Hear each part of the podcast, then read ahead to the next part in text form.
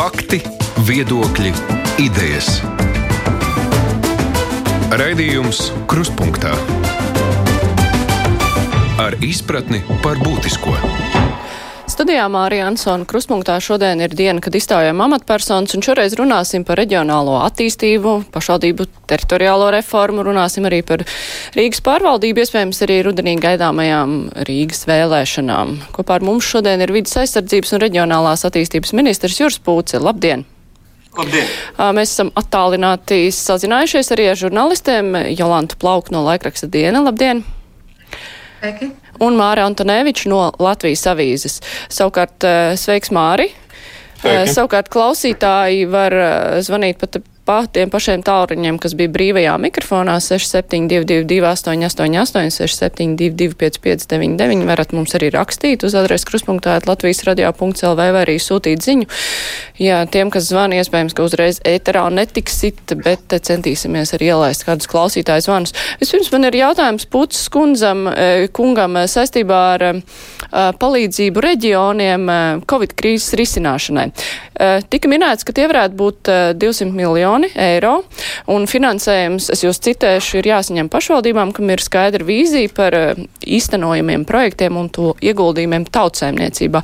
Jūs varētu precizēt, par kāda veida projektiem ir runa, vai tas ir kaut nozarēs, kuras ir tieši cietušas no šīs krīzes, vai tas ir, uh, lai vairāk naudas iepludinātu ekonomikā, vai esat runājuši ar pašvaldībām par kaut ko konkrētu? Tad, faktiski eh, mans priekšlikums ir virzīts eh, tādos divos eh, virzienos. Mēs kopumā mūsu piedāvājuma jēga ir šī gada otrā pusē un nākamā gada sākumā dot caur pašvaldību finansējumu, caur pašvaldību pasūtījumu stimulu ekonomikai, papildus pieprasījumu ekonomikā pēc um, nu, precēm, pakalpojumiem, pēc darbiem, ko veiktu, piemēram, būvdarbiem vai citiem darbiem, kas tiktu veikti. Uh, un uh, šis uh, stimuls tad pēc tam nu, nosacīts par sildītu ekonomiku, radot papildus pieprasījumu un darba vietas. Un tādā veidā mēs atbildētu uz objektīvu, pavisam drīzu izaicinājumu Latvijas politikā, proti, ko darīt ar tiem cilvēkiem, kas jau ir zaudējuši darbu vai nu, tuvākā laikā varētu zaudēt darbu ilgušo ekonomikas ierobežojumu dēļ. Un, faktiski tātad mēs nedaram neko principiāli jaunu, mēs pārstruktūrējam līdzekļus divās mūsu jau esošās Eiropas Savienības fondu finansētās programmās. Viena no tām ir virzīta uz pašvaldību ēku energoefektivitāti, proti, pašvaldību ēku siltināšanu vai citu energoefektivitātes pasākumu realizāciju. Mēs esam paredzējuši, ka šim līdzekļiem varētu piešķirt 85 miljonus eiro, un šo summu mēs neieguvām no pirksta, teiksim tā, bet mēs veicām aptauju pašvaldībās, deviņās lielās pilsētās un 21 reģionāla attīstības centra pašvaldībās, ar aicinot viņiem atsūtīt projektus, kas ir augstā gatavībā. Kuriem ir augstā gatavībā? Tad projekti, kuriem ir sagatavota tehniskā projekta dokumentācija, kuriem ir uh, gatavība, tuvu gatavībai uh, tātad iepirkuma dokumentācija, kur varētu nekavējoties tikt faktiski izsludināta līdz ko būtu valdības lēmums. Un, ja valdība lemtu māja sākumā, tad faktiski mēs varētu rēķināties, ka jūnijā, jūlijā, noteikti jūnijā iespējams, tad jūlijā un augustā notiktu darbi, kas turklāt būtu relatīvi ierobežoti laikā, jo, nu, ja ēku siltināšana pie efektīva darba organizācijas divu mēnešu laikā viena pašvaldības bērnu dārza, skolu vai kultūras nama var nosiltināt. Šādu projektu aptaujā mums parādīja, ka apmēram 170 miljonu eiro vērti projekti, kurus viņi vēlētos pieteikt. Mēs izgājām cauri šim sarakstam, ieraudzījām, ka viena daļa tomēr nav tik augstas gatavības projekta, tur vēl nav tehniskā dokumentācija un tam līdzīgi. Tāpēc mūsu novērtējums apmēram 85 miljonu eiro varētu būt šajā programmā. Otrs virziens ir pašvaldību ieguldījumi infrastruktūrā. Tādas mums divas programmas Eiropas fondos ir bijušas. Mēs plānojam pārstruktūrēt jau esošos līdzekļus, jo tur ir izdalīta nauda iepriekšējās valdības laikā. Tas modelis bija tāds, ka tika nauda piešķirta noteiktā kvotā katrai pašvaldībai. Tām pašām 9 plus 21 pašvaldībai bija kvotas.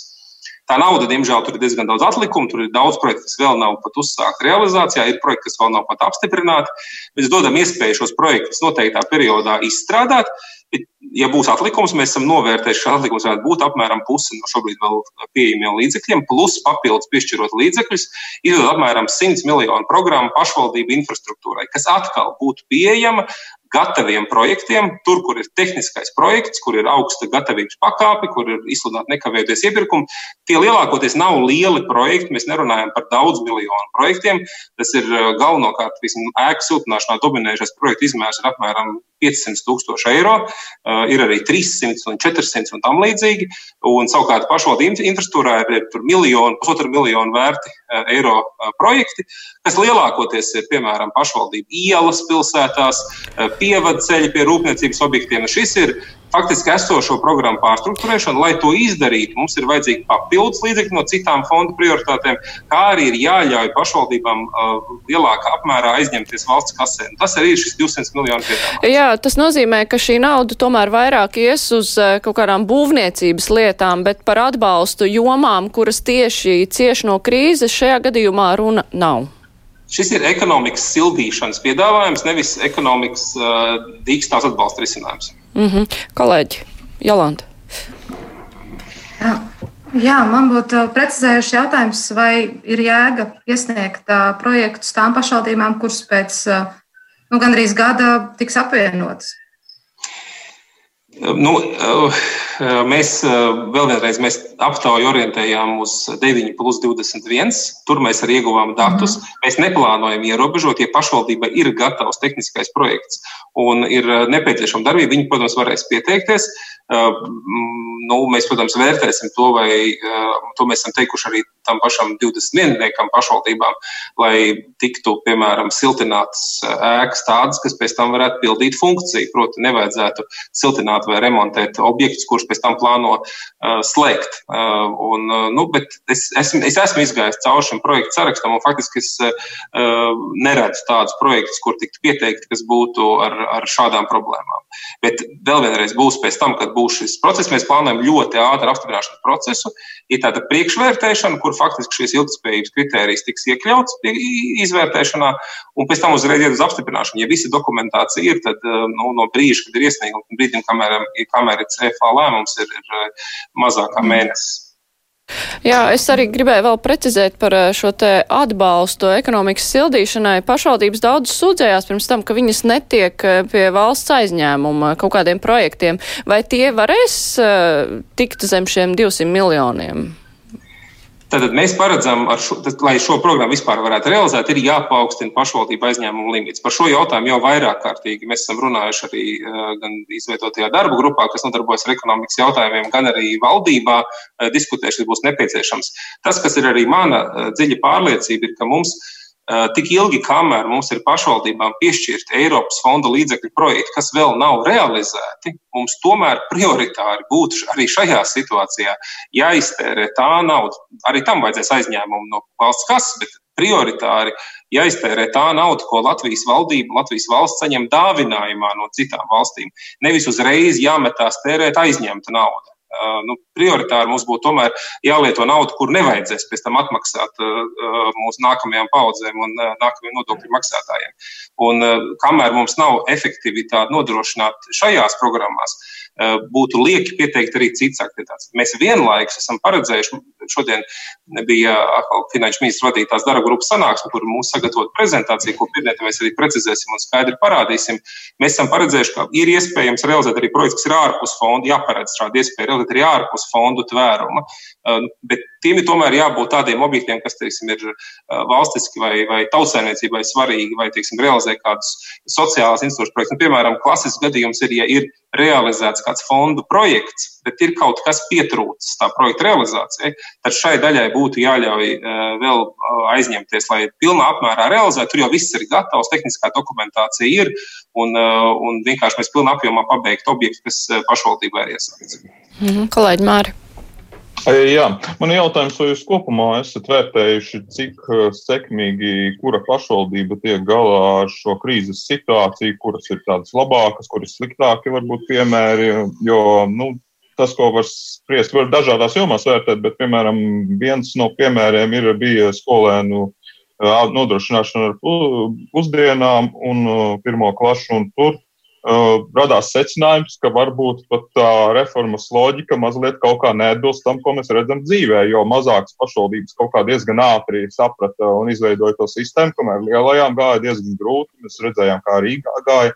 Arī Daugopī tur bija tāda strīdi, ka viņi grib kartes dalīt, dāvanu kartes, bet nedrīkst. Vai jūs esat šo analizējuši un kaut kādus secinājumus izdarījuši? Tātad mēs, protams, sekojam līdzi tam, kas notiek saistībā ar Covid krīzes pārvarēšanu pašvaldībās, un tā lēmuma pieņemšanas process ir ļoti dažāds. Patiešām pašvaldībās gan nevar novērot sakarību, ka mazāks ir efektīvāks par lielāku. Patiesībā nē, lielākā daļa efektīvāko programmu ir ieviest lielākās pašvaldībās.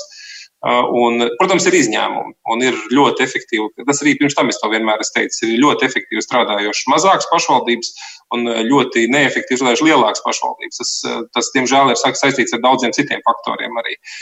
Bet, protams, vidējā sakarība ir tāda, ka, protams, vieglāk jaunas, piemēram, sociālās palīdzības programmas ir ieviest lielākām pašvaldībām, un tas patiešām tā arī notiek. Saistībā ar bērnu ēdināšanu ir joprojām pašvaldības, vēl joprojām nav pieņēmuši lēmumu par to, kā šo jautājumu organizēs. Un, faktiski tur izglītības ministrija iet diezgan smagi ar atsevišķām pašvaldībām. Um, nu, tā, tas, diemžēl, tā ir. Uh, Trakāks jautājums ir, par ko es vairāk uztraucos patiesībā pat nākamā solī, nevis tieši šobrīd. Proti, uh, ir skaidrs, ka šī nav ļoti tāda parasta ekonomiska krīze. Mums nav, uh, teiksim, vispārējais pieprasījuma zudums vai, vai ekonomikas cikla izraisīta problēma, ka mums ir, teiksim, tur kaut kāds bezdarba pieaugums vispār. Latvijā nav novērojams vienmērīgs bezdarba pieaugums. Latvijā vietas, kur bezdarbs nav pieaudzis nemaz. Uh, un tas, tas nozīmē, ka faktiski pašvaldībām šobrīd ļoti aktīvi būtu jāanalizē tās sociālās situācijas izmaiņas, kas notiek, un jāpiedāvā ļoti indi individuāli sociālai palīdzībai piemērot risinājumi. Tie klasiskie krīzes risinājumi bija, mēs jau faktiski visus no valdības puses nekavējoties viņus uzlikām. Nu, piemēram, tas pats krīzes pabalsts, ko ielika cilvēkiem, kam nav nekādu ienākumu pēkšņi, viss ir zudis vienā brīdī un nav vairs neko ko darīt. Krīzes pabalsts pacēla izmaksas 80 eiro, valsts finansē pusi no šīs summas, faktiski pašvaldībai samazinot izmaksas, jo gaimīgi pabalsts ar to tiek aizstāvēts aizstāts. Bet um, šobrīd uz šo brīdi ir 53 cilvēki visā Latvijā saņēmuši šo pabalstu. Tas liecina, ka klasiski krīzes risinājumi te nederēs. Un, uh, Pašvaldības ir primāri atbildīgās par sociālo palīdzību, un viņām būtu jāveic izvērtējums savā teritorijā. Tur ir likums par sociālo pakalpojumu, sociālās palīdzības sniegšanu paredz, ka pašvaldība veic šādu izvērtējumu.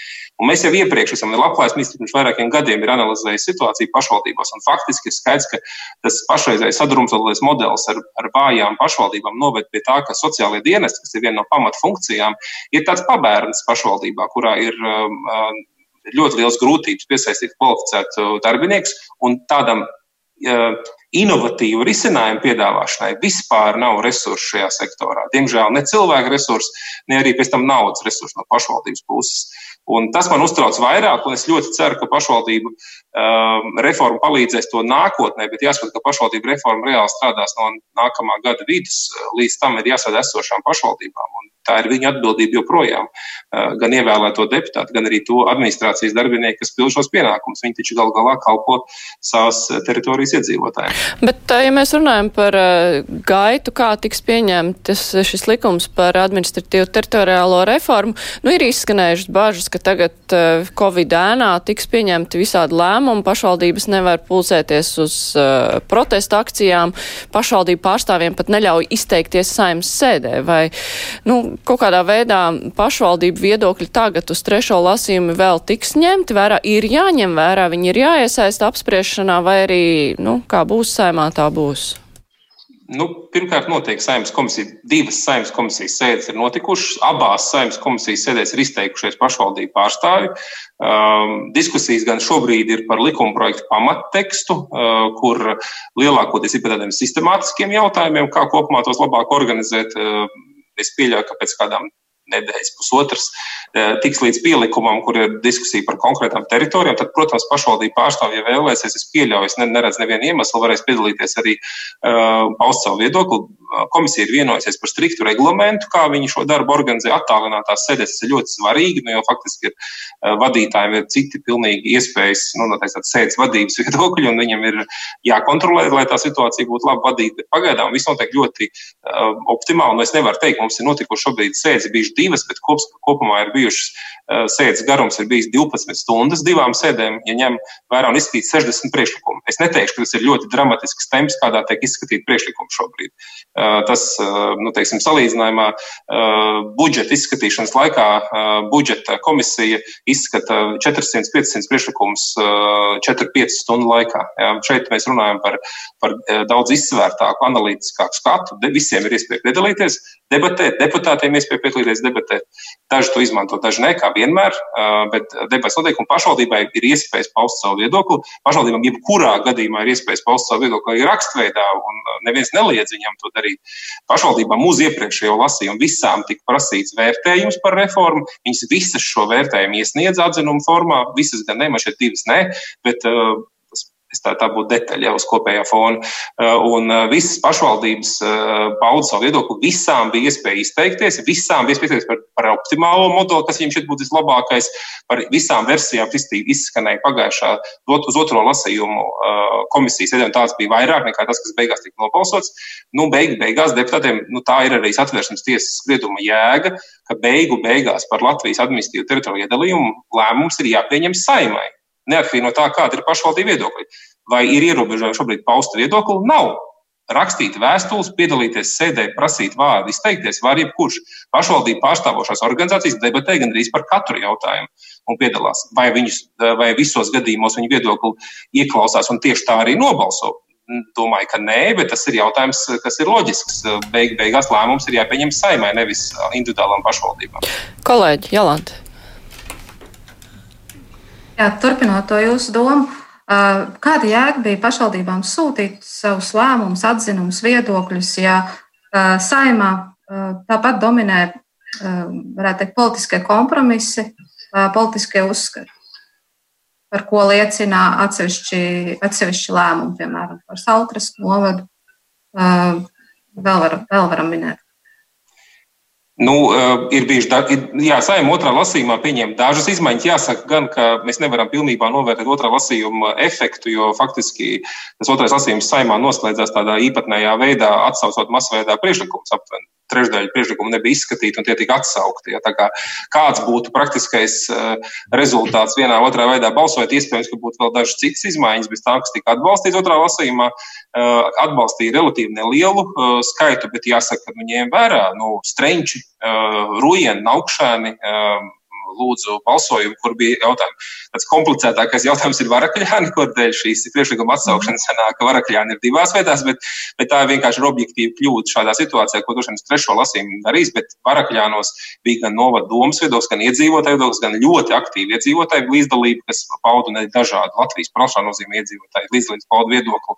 Uh, un uh, nu, deputātiem, protams, beigās, kad ir šī uh, tik diametrāli pretēji viedokļi, ir kaut kāds lēmums jāpieņem. Un beigās tas ir politisks lēmums. Tas ir politisks lēmums, jo mm. Latvijas administratīvais iedalījums ir politisks lēmums. Latvijas administratīvais iedalījums ir politisks lēmums, ko pieņem politiķi, un politiķi ar par šo lēmumu atbild Latvijas vēlētāju priekšā.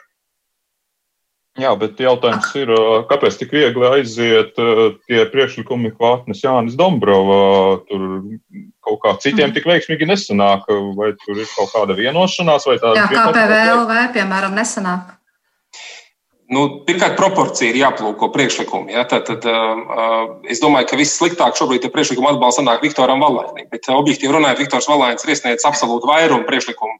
Uh, viņam ir uh, uz trešo lasījumu viņš ir iesniedzis 266 priekšlikumus, uz, uz otro viņam bija 170 kaut kas priekšlikumu.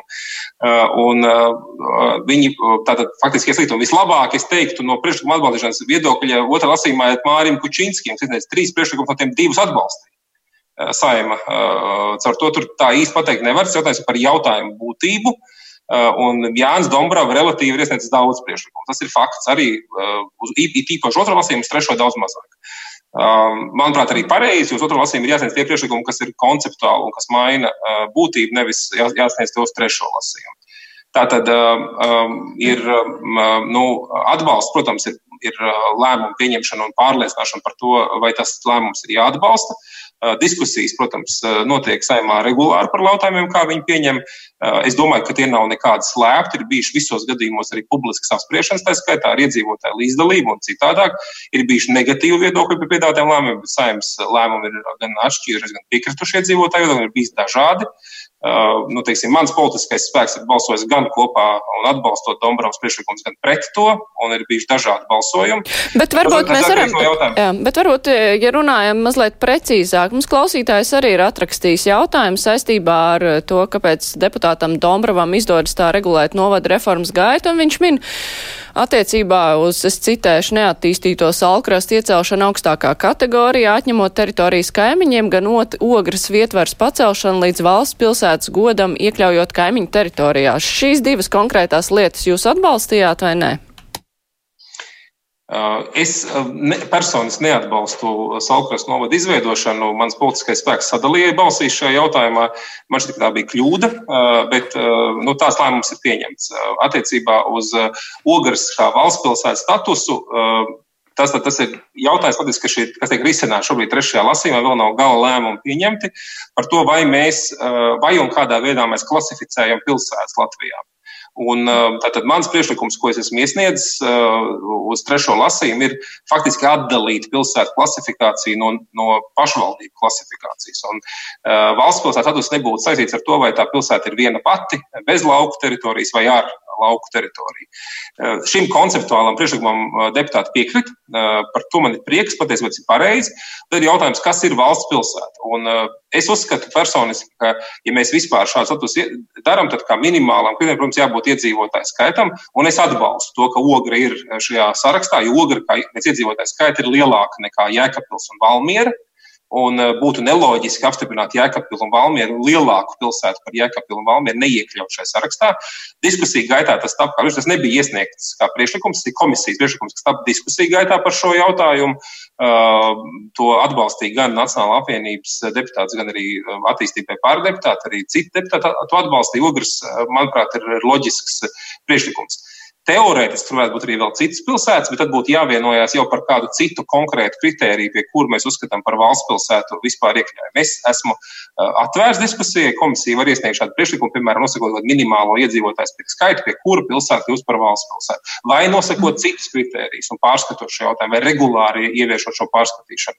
Tas ir normāls diskusijas jautājums komisijā, un ja tādi būs, tad tā nebūs tikai ogra, bet arī cits. Nav tā, ka tā ir ogra īpaši, ogra vienkārši pie loģikas, ja mēs valsts pilsētu pilsētu uzskatām par status, pilsētas statusu, tādu klasifikāciju pilsētām bez īpašas citas nozīmes, tad ir jābūt visām pilsētām šajā statusā, kas atbilst kādam kritērijam. Un nevar būt, ka ogra, kas ir iedzīvotājs skaits ziņā lielāka nekā, eh, nekā Jēkabils un Valmiera, tur nezinu, kāpēc nav.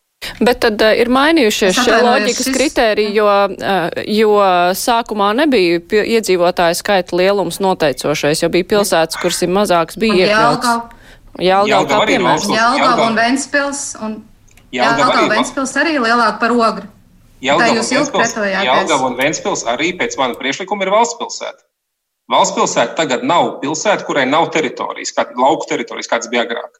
Mūsu priekšlikums, ir trešā lasījumā, ka valsts pilsēta ir vienkārši pilsētas klasifikācija, nevis pašvaldības klasifikācija. gan Valmiera, gan Jēkabils, gan Jelgava, gan Ventspils, gan Jūrmala un arī Ogre pēc saimnes komisijas lēmuma būtu valsts pilsēta, bet Ogrei būtu lauku teritorija, Valmierai būtu lauku teritorija, Jelgavai būtu lauku teritorija, bet Liepājai Daugopilī nebūtu. Kas Lai... bija par pamatu tam, ka jūs, jā, tas, kas bija par pamatu, kāpēc jūs pēkšņi tā nu, mainat, nu, mainat viedokli? Es esmu arī to Jālgava un Ventspils no sākuma. Nu, Jālgava un Ventspils no paša sākuma tika ignorēts. Nē, es jums nepiekrītu, Plaukas kundze. Viņš netiek ignorēts nekādā veidā. Tam ir, ir divi dažādi klasifikācijas rādītāji. Līdz šim, nu, vēsturiskais. Ir nosaukumi. Nē, nav nekāds sakars ar nosaukumu. Republikas pilsētas status bija saistīts, tas bija īpašs pašvaldību paveids, kur pašvaldībai nebija, tā bija pilsēta bez lauku teritorijas.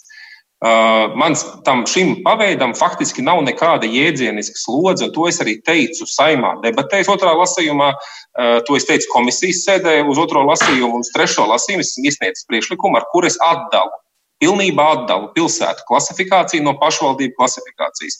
Pašvaldību klasifikācija pašvaldības ir pašvaldības, un uh, vai, tā, vai tur ir pilsēta tikai, vai tur ir pilsēta kopā ar lauku teritoriju, tā ir izšķiršanās uh, attiecīgi likuma projekta pielikumā. Savukārt pilsētām, atsevišķām daļai pilsētu, var tikt piešķirts speciāls status, valsts pilsētas status, kam pagaidām nav lielas juridiskas slodzes, bet ir no tāda atzinības slodze, kura tad attiektos arī uz uz, uz Jēlgavu, Vēnspili, attiektos arī, protams, ja, ja attiektos uz Jēkabilu un Valmieru, un, un, protams, ka pie šādas situācijas arī uz Ogri.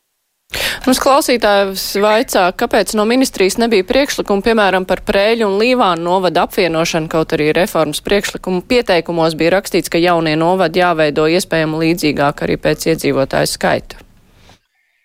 Nu, šo jautājumu es esmu arī publiski atbildējis. Tātad mēs veidojām pašvaldību karti, tad divi, faktiski tādos divās blokos. Uh, ir eh, pierīgas teritorija, kur bija vieni eh, kriteriji, kāds bija ministrijas un valdības eh, modelis, un ir nepierīgas teritorija, pārējā Latvijas teritorija, kur ir otri kriteriji. Kāpēc ir atšķirība? Tāpēc, ka iedzīvotāju blīvums un arī pašvaldību finanses ievērojami atšķirās šo pašvaldību grupu starpā.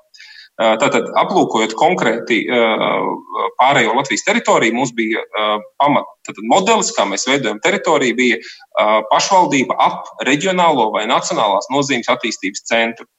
Mēs nemainījām, piedāvājot modeli, reģionālos un nacionālās nozīmes attīstības centrus, tas ir tas augtais 9 plus 21. Mēs atstājām viņus nemainīgus, mēs nepārvērtējām šos centrus, ņemot vērā to, ka šo centru noteikšana, nu, iepriekšējā reizē, kad valdība viņu noteica pirms astoņiem gadiem, tie tika noteikti daļēji politiski. Ehm, nekad līdz galam eh, analīzes nav izdarīts. Un, ja mums būtu jāpārvērtē centri šobrīd pēc būtības, tas prasītu vairāk gadu vērtējumu, analīzi, kas iekavētu reformas virzīt. Mēs, mēs ņēmām to, kas jau ir valdībā apstiprināts, valstī apstiprināts, tad skatā ar saimnes lēmumu apstiprināts šie centri, eh, apstiprinot iepriekšējo esošo, šobrīd spēkā esošo nacionālā attīstības plānu.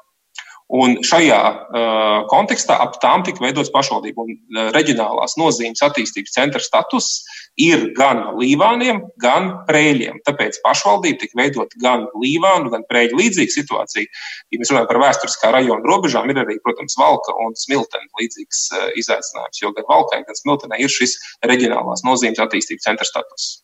Kolēģi, vai ir vēl jautājumi saistībā ar administratīvo reformu? Jā. Jā. Jā, viens, viens pēdējais tiešām jautājums. Kā jūs izvairīsieties no tā, kā bija iepriekšējā reformā, ka trešajā lasījumā tiek nobalsots pavisam cits likums nekā tika iesniegts? Un vai jūs zinot, otrs papildinošais jautājums, vai jūs zinot visu šī gada diskusijas, kompromisus, kas bija jāpanāk, vai jūs rakstītu likumu savādāk? Um, es uh, domāju, ka uh, es esmu, protams, runājis ar deputātiem, gan pozīcijas, gan opozīcijas deputātiem, kas ir gan komisijā, gan frakciju vadītājiem, lai saprastu, kāda ir viņa pozīcija šajā situācijā, ko viņi vēlās, kādas ir viņa pozīcijas. Un, uh, faktiski es neesmu dzirdējis uh, tādas uh, būtiski lielas izmaiņas plānotas un iecerētas, kuras varētu deputātu vairākums saimā atbalstīt. Nu, tā, ka, piemēram, mums šobrīd ir lasījumi 40 novadi un beigās būtu 80 novadi. Nu, tā, tā kā tas sanāca 2008. gadā. Nu, bija 80, ja nemaldos, novada otrā lasījumā, un trešā 119. Ja. 118 mm -hmm. precīzi toreiz pienāca viens klāt, bišķi vēlāk roja mēšaks. Tātad tādas pārmaiņas es neesmu dzirdējis. Tas, ka varētu būt tur, teiksim, divas vai trīs izmaiņas, eh, tas ir iespējams. Es eh, to neizslēdzu. Eh, nu, šis ir tomēr jautājums, kurā izpildvarē ir funkcija sagatavot lēmumu projektu. Lēmums par, par kā tas galā tiek pieņemts, ir saimnes atbildība. Ja beigu beigās mums būs tur, nezinu, 42, 43 vai 44 pašvaldības, es neuzskatīšu, ka reforma ir izgāzusies. Ja vien izveidotās pašvaldības nu, nebūs gluži izveidotas ar 1000 iedzīvotāju nu, vai 3000 iedzīvotāju, kur apzināti mēs visi zinām, ka šīs funkcijas, kādas pašvaldībām ir, tās izpildīt nevarēs. Um, vai es būtu ko darījis citādāk? Nu, tas ir plašāk pārdomu jautājums. Um, es personiski domāju, ka mm, nu, Es joprojām uzskatu, ka lēmums, ko tā skatā pieņēma valdība un pēc tam arī saima, ka mums ir, ir um, pilsētas bez um, lauku teritorijas, ilglaicīgi ir kļūda. Uh, bet uh, es nedomāju, ka man, uh, man atbildība ir piedāvāt lēmumu, kuram vispār ir uh, saimā balss. Un uh, nav jēga piedāvāt lēmumu, kas ir šausmīgi pareizi, bet par kur neviens nenobalso. Es ceru, ka man, manam, man vai maniem pēcnācējiem šajā amatā izdosies pārliecināt saimnes vairākumu, ka šo lēmumu ir jāmaina. Jā, es gribētu, at... jā, es gribētu atgādināt klausītājiem un Latvijas televīzijas skatītājiem, ka šodien mēs kopā ar žurnālistiem Jolantu Plauku no laikraksta Dienu un Māra Antoneviču no Latvijas avīzes iztaujājam vidas aizsardzības un reģionālās attīstības ministru Juri Pūci. Raidījums Krustpunktā. Jā, ar klausītāju uzdotu jautājumu es mainīšu arī e, iztaujāšanas tematu. Klausītājs vaicā, vai esat apmierināts ar Rīgas administratoru darbu? Tātad, nu, te ir jāsaprot, kas ir pagaidu administrācija un kāda ir to funkcija kopumā ņemot. Tātad, pagaidu administrācija tika iecelta ar saimnes lēmumu un faktiski sastāv no trīs civildienas ierēģiem, kas ir no trim dažādām ministrijām. Varam Finanšu ministrijas un Tieslietu ministrijas un to funkcijas ir eh, faktiski nodrošināt pašvaldības darbību atbilstoši likumam. Un eh, tas arī eh, nedaudz reflektē uz, uz iepriekš Māra Antaņeviča uzdoto jautājumu par to, vai Rīga kavējās, piemēram, ar, ar ēdināšanas sistēmas ieviešanu. Ir jāsaprot, ka ir lietas, ko, kāpēc vispār pašvaldības ir politiski vēlētas. Mums ir vajadzīgs politiski vēlētas pašvaldības, jo ir lēmumi, kas ir politiski savā būtībā. Un, piemēram, izšķirties, ja nav likumā skaidru noteikumu, kādu izveidot jaunu modeli, tā ir politiska izšķiršanās, politisks lēmums. Un pagaidu administrācija nav politiska institūcija, tāpēc būtības nevajag pieņemt politisks lēmums. Un faktiski pagaidu administrācija bija sākusi darbu pareizi, viņa bija plānojusi, ka viņa ne, eh, neveiks politisks lēmums, viņa neieguldīs, eh, piemēram, neapstiprinās budžetu, kas ir politisks lēmums, nu tikai turpinās atbilstoši likumam, tā ir viena 12. daļu eh, nodrošināt funkciju realizāciju.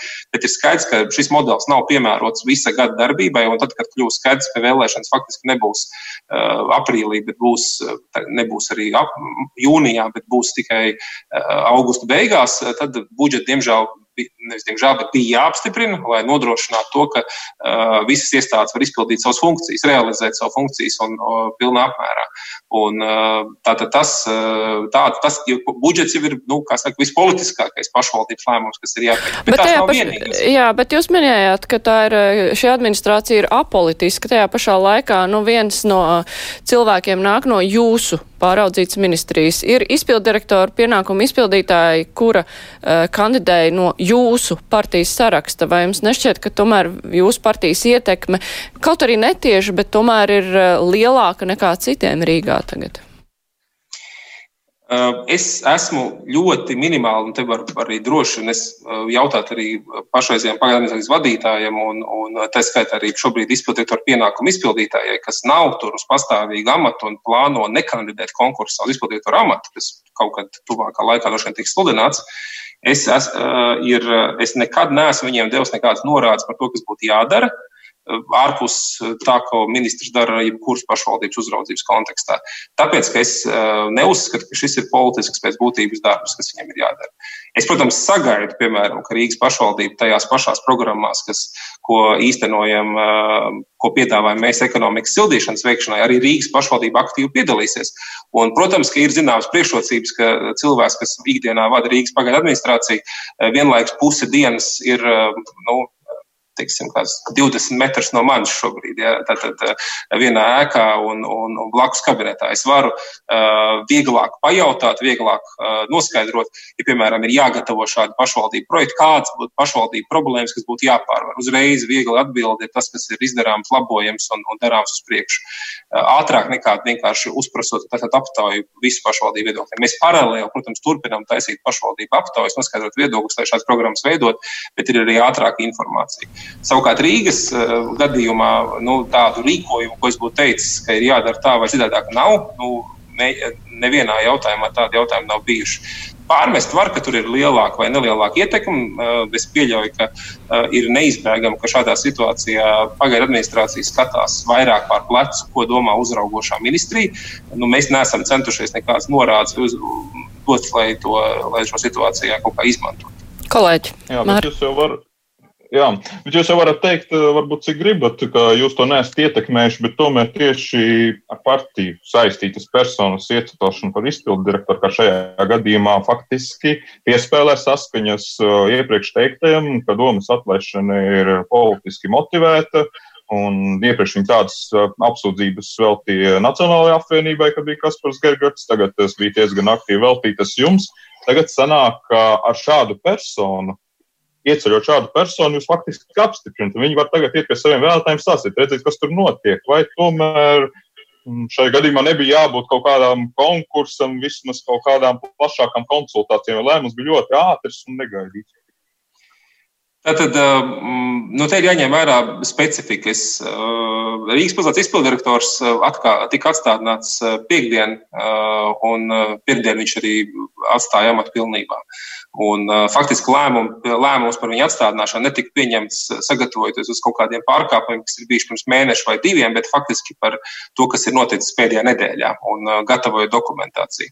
Un atstādināšanas lēmumu pieņemot, nekavējoties, protams, jo funkcijas ir jānodrošina izpildirektoram, amatam ir arī pienākumi likumā minēti, kas ir jāpild nu, kaut vai tās pašas kapitāla uh, turēšana, bet ne tikai arī tur pašvaldības darba organizācija. Viņi izdod, izdod administratīvos aktus, pieņem lēmumus par aktiem un tam līdzīgi. Ir regulārs funkcijas, kas jāveic un uh, bija uzreiz jāieceļ pienākumu izpildītājs. Faktiski Rīgas pašvaldībā nav noteikti pastāvīga kārtība, kas veic pienākumu izpildīšanu brīdī, kad izpildirektors ir prom. Kādreiz bija vietnieks, bet pirms vairākiem gadiem vietnieka amats tika likvidēts. Nekad nav ticis iecelts, un katru reizi, kad, piemēram, iepriekšējais izpildītājs devās komandējumā vai atvaļinājumā, uh, tika izvēlēta persona, kas varētu būt vietas izpildītājs. Parasti no uh, tajām priekšpilsētu izpildirekcijām to vadītājs, kas gan nav formāli amats, kas vispār ir uh, izpildirektora dienestā kopā strādājošs. Uh, tāpēc bija jāieceļ pienākumu izpildītājs, pastāvīgs pienākumu izpildītājs, kas varētu šo funkciju izpildīt atstādināšanas laiku. Tobrīd bija domāts uz to laiku, kamēr notiek dienesta izmeklēšana. Uh, nu, tagad, protams, cilvēks atkāpies. Lēmumu pieņemšanā bija jāizvēlās cilvēks uzreiz, faktiski dažu dienu laikā, un lēmumu pieņēma pagaidu administrācijas vadītājs, konsultēties ar pārējiem pagaidu administrācijas locekļiem, aptaujājot par iespējamiem civil dienesta amatpersonām, kas ir gatavs. Jo te ir jābūt kvalifikācijai vadīt, vadīt civil dienesta iestādi. Tas nevar gluži būt tā, ka cilvēks vienkārši no ielas nekad nav dzirdējis iestādi un ies uz pagaidu amatu uz diviem, trim mēnešiem, pildīt amatu, uh, lai to izdarītu. Un faktiski uh, tātad. Tā, tas bija vairākas personas, kas tika aptaujātas. Eh, cilvēki, kas ir vai nu esoši vai bijušie civildienesta augstas amatpersonas, kas ir mācējuši vadīt iestāde vispār ir tādas funkcijas, saprot, ko tas nozīmē uh, un kas piekrīt uz šiem nosacījumiem. Un uh, tātad Ivets Zalpēta ir, ir ļoti kvalificēta civildienas amatpersona, kas 25 gadus ir kalpojis Latvijai ikdienā civildienas darbā. Tā skaitā vadījis ļoti nozīmīgas iestādes, ir bijis ministrijas valsts sekretāra, departamenta direktora, vadījis privātizāciju aģentūru ļoti sarežģītā laikā, krīzes brīdī ar visām Pareks bankas nepatikšanām, kas bija un tam līdzīgi. Un varēja šīs funkcijas izpildīt. Viņi piekrita, kas bija svarīgi. Viņi piekrīt, viņi ir varam pārstāve akcijas sabiedrībā Ventis Osta, un caur to viņi piekrīt uz laiku tās funkcijas pildīt, neparedzot to, ka viņi būs izpildirektori pastāvīgi. Šobrīd, cik es zinu, tiek gatavots izpildirektora amata konkurss, kas tiks sludināts, un pieteikties varēs jebkurš. Tā ir atklāta procedūra, jebkurš varēs pieteikties un, un šajā amatā strādāt. Nu, protams, izpildot kritērijus. Es eh, ar vārdu jebkurš domāju, jebkurš, kas atbilst kritērijiem. Tā tiešām ir nopietns, atbildīgs amats, kur ir jāpild cilvēkam, kas vismaz kaut ko ir pirms tam dzīvē vadījis. Mm -hmm. Jolanta? Um, nē, man tikai rado, radās doma, kā jūs tik labi to procesu zinat? Oi, nu man ir ļoti daudz.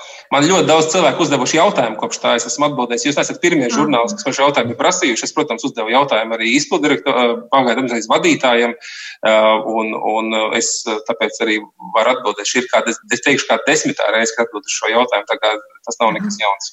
Mums klausītājs ir uzdevis jautājumu, vai jūs esat bēdīgs, ka Rīgas domas vēlēšanas notiks tik agri? Vai jūs gribētu pastiept garāk varbūt šo procesu?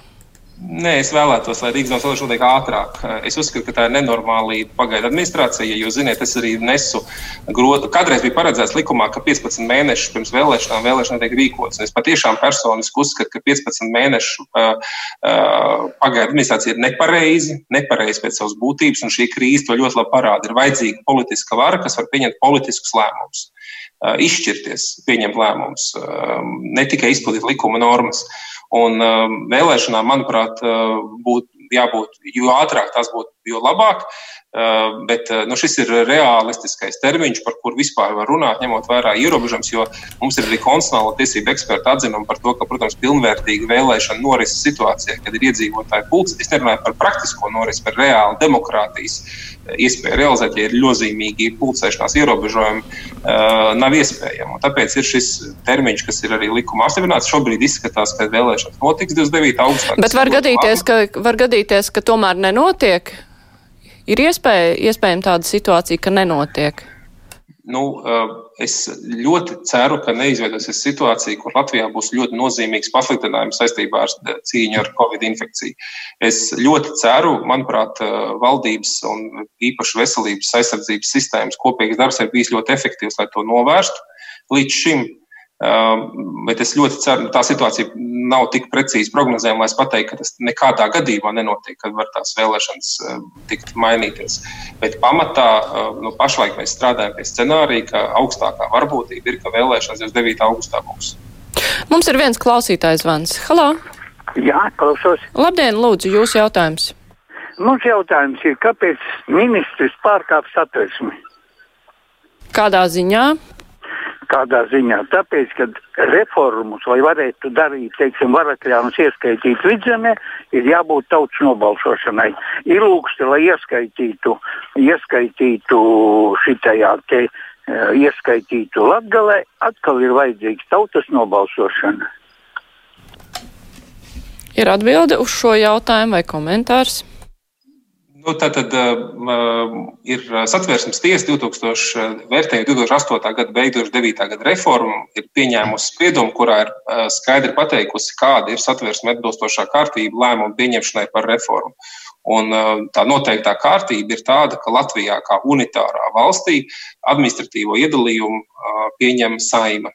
Uh, jā, ir jānodrošina konsultāciju process ar pašvaldībām, ko, manuprāt, saima dara ko darīja arī valdība. Pašvaldības arī atzīst to par konsultācijām, kas ir notikušas saimā atšķirībā no procesa ar valdību, kur viņiem ir pretējs viedoklis. Un, nu, saimā ir pilnvars un pat atbildība šo administratīvu iedalījumu noteikt. Savukārt par referendumu runājot, ja piemēram notiktu varakļānu iedzīvotāju referendums, man ir neliels aizdoms, ka balsojums nebūtu par to, ka šī teritorija ir Latvijas daļa, bet eh, būtu, eh, balsojums būtu vismaz to rāda iedzīvotāju aptaujas, kur, ja divas trešdaļas iedzīvotāji ir gatavi personiski parakstīt iniciatīvu, ka ir jābūt klāt pie Madonas, tad uh, referendumā droši vien var rēķināties ar to, ka vairums nobalsot par to, ka viņi būtu pie Madonas. Bet uh, lēmumu pieņemšana ir sarežģītāka, tie ir jāņem ļoti dažādi faktori, uh, un nu, saimnes deputātiem tā ir liela atbildība izsvērt šo jautājumu. Un tā ir arī ar satvērsmes tiesas spriedumu iezīmēta kā saimas atbildība, saimnes deputāta atbildība. Kolēģi? Jā, man jautājums ir, atgriežoties pie Rīgas. Jūs uzsvērāt, ka Rīga pašai Rīgas vara ir pagaidu un faktiski nevar prasīt, lai tā pilnvērtīgi funkcionētu.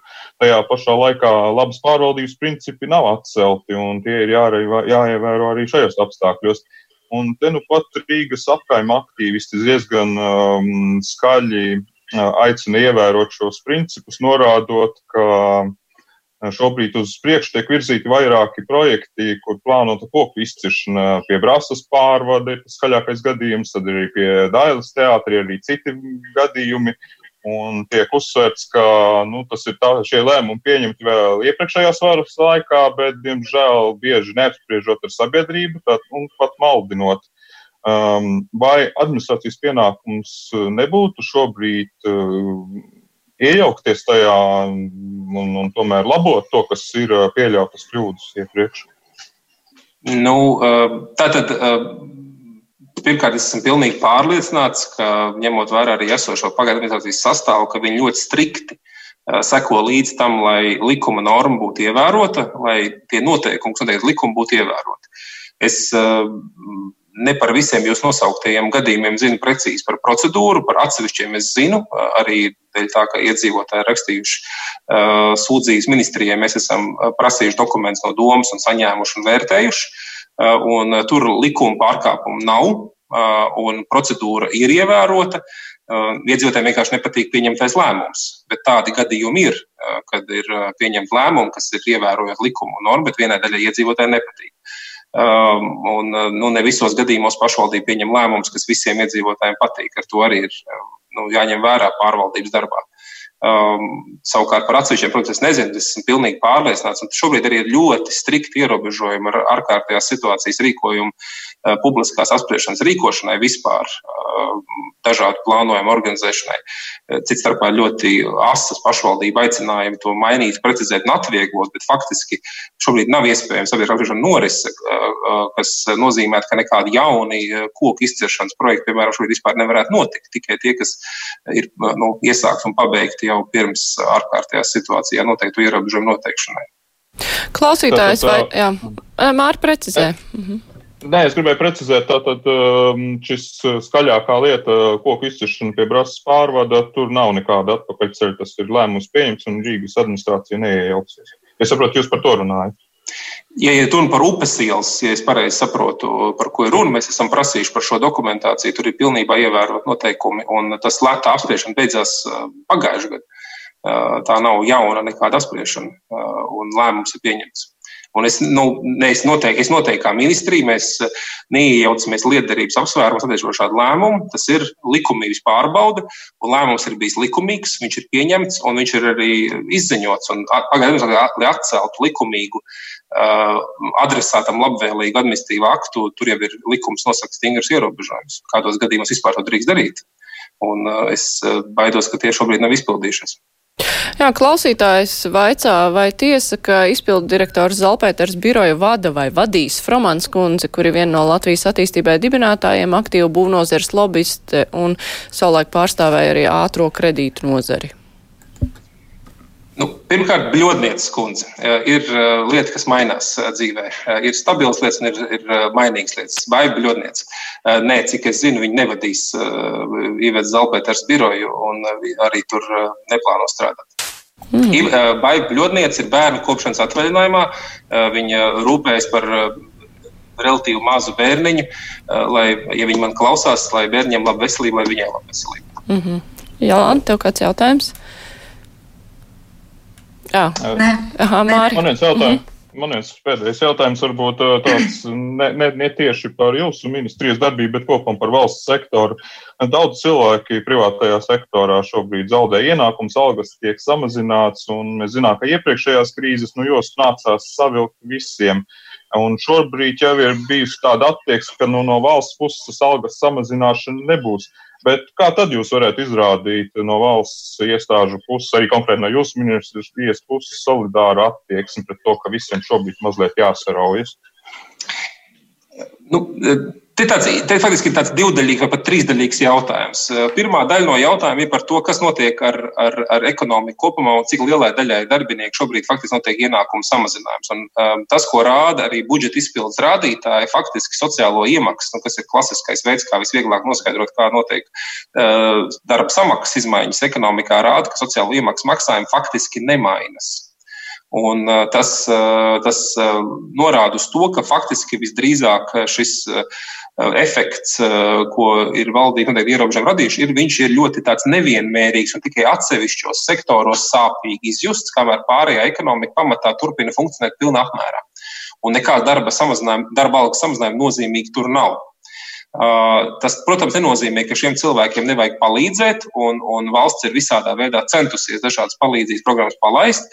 Dažas ir gājušas sekmīgāk, dažas netik sekmīgi, bet tomēr tas funkcionē. Mēs, piemēram, arī šodien darba grupā faktiski koriģējām dīkstāvus regulējumu, paredzot arī minimālo izmaksājumu apjomu, un to rīt varētu skatīt valdība, kas būtu 130 eiro apmērā. Tādā ziņā, tiekot galā ar šiem pavisam mazajiem pabalstiem, mēs paredzam iespēju izmaksāt uh, pabalstu, sociālo pabalstu visiem cilvēkiem, kam ir dīkstāvs pabalsts, tiek atteikts oficiāli iemeslu dēļ, kaut kādu objektīvu iemeslu dēļ, uh, kas ir uzņēmumi uzņēmumu šos 130 pašus eiro, tas labklājības ministrijas piedāvājums, un tad risinājuma korekcijas notiek. Ir jāpalīdz cilvēkiem, par to nav jautājumu.